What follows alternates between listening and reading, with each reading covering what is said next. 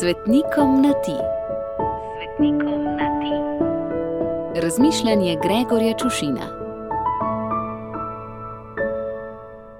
Ljubi moj sveti Hieronim.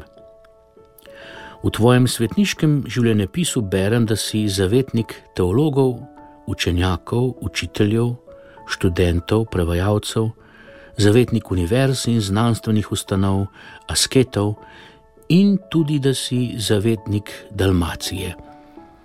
Pa bi pravzaprav lahko postal tudi zavetnik Piranskega zaliva.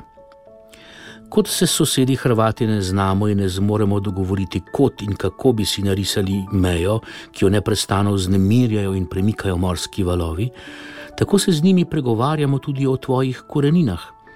Mi trdimo, da si krašavec, oni pa, da si istrijan pa se mi dozdeva, pa ne le za voljo krščanske in bratske ljubezni ter medsosedskega ljubega miru, temveč predvsem zaradi logičnega razmišljanja, da če še danes nimamo točno določene meje, in tudi tedaj še ni bilo začrtane, in si se sprehajal torej tu in tam.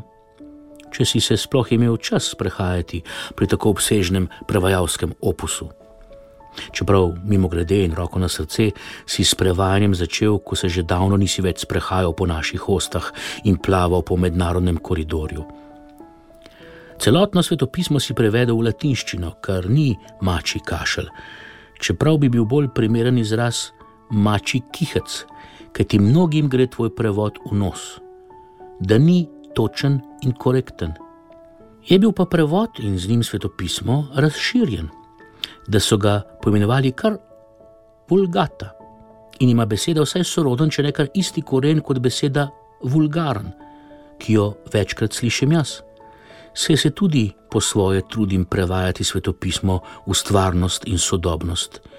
In to počnem vsaj iz sorodnih, če ne kar iz istih vzgibov kot ti, ki si zapisal, da kdo ne pozna svetega pisma, ne pozna tudi, kaj je božja moč in njegova modrost.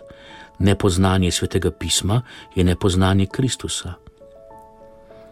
Morda si nisva sorodna po askezi, ki je meni priznam bolj tuja kot ne, sva si pa sorodna po domovanju. Ti si bival v Betlehemu, jaz pa zaradi velikega števila neozgojenih in razvajenih otrok, zaradi zaposlene žene in lastne lenobe, živim v hiši, ki bolj spominja na hlev. Ljubi moj sveti Hieronim obilo žegna za tvoj god, pa nam ga vrni in izli na nas, Gregor.